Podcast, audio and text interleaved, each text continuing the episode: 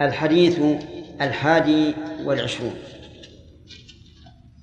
عن ابن عمرو وقيل أبي عمرو سفيان بن عبد الله رضي الله عنه. قال قلت يا رسول الله قل لي في الإسلام قولا لا أسأل عنه أحدا غيرك.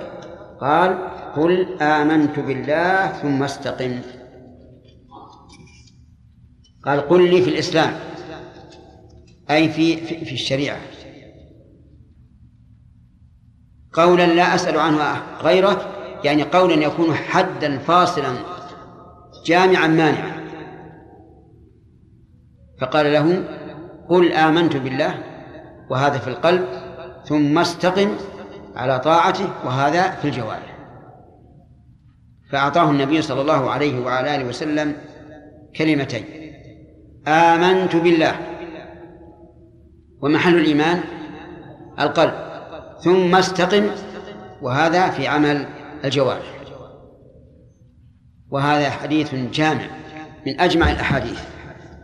فقوله قل آمنت يشمل قول اللسان آمنت وقول القلب قال أهل العلم وقول القلب هو إقراره واعترافه. آمنت بالله أي أقررت به على حسب ما يجب علي من الإيمان بوحدانيته في الربوبية والألوهية والأسماء والصفات. ثم بعد الإيمان استقم أي سر على وجه مستقيم أو على صراط مستقيم. لا تخرج عن الشريعة لا يمينا ولا ولا شمالا. هاتان الكلمتان جمعتا الدين كله. فالأول آمنت بالله رحمك الله فيما يتعلق بالقلوب والثاني استقم فيما يتعلق بالجوارح. فلننظر. الإيمان بالله يتضمن الإخلاص له في العبادة. والاستقامة تتضمن التمشي على شريعته عز وجل. فيكون جامعا لشرطي العبادة وهما الإخلاص والمتابعة. نأخذ الفوائد. في هذا الحديث فوائد. منها حرص الصحابة رضي الله عنهم على العلم. وذلك لما يرد على النبي صلى الله عليه وسلم منهم من الأسئلة. ومن فوائد هذا الحديث أن الإنسان ينبغي له أن يسأل عن العلم السؤال الجامع المانع حتى لا تشتبه عليه العلوم وتختلط لقوله قولا لا أسأل عنه أحدا غيرك. وفي هذا إشكال وهو قول لا أسأل أحدا غيرك. هل يمكن أن يسأل الصحابة أحدا غير الرسول صلى الله عليه وعلى آله وسلم في أمور الدين؟ فالجواب نعم. يمكن أن يسألوا. يسأل من دون صاحبه في العلم يسأل صاحبه. وهذا وارد.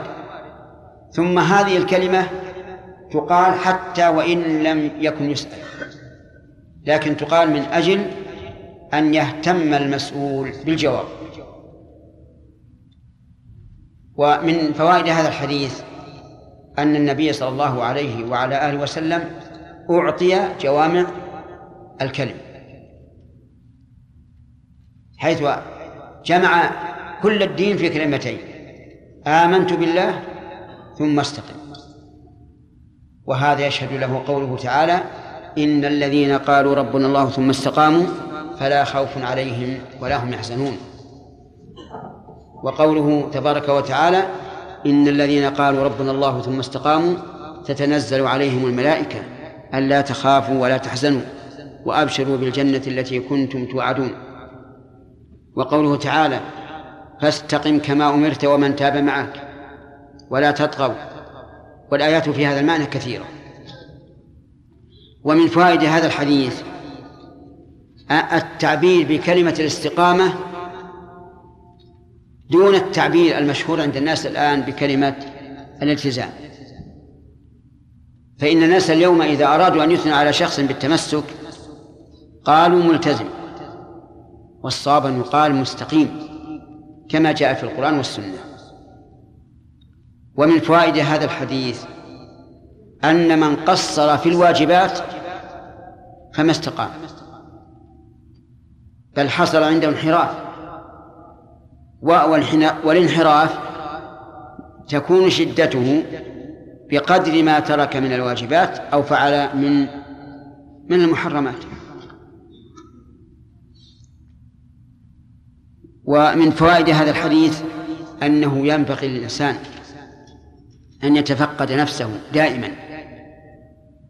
هل هو مستقيم أو غير مستقيم؟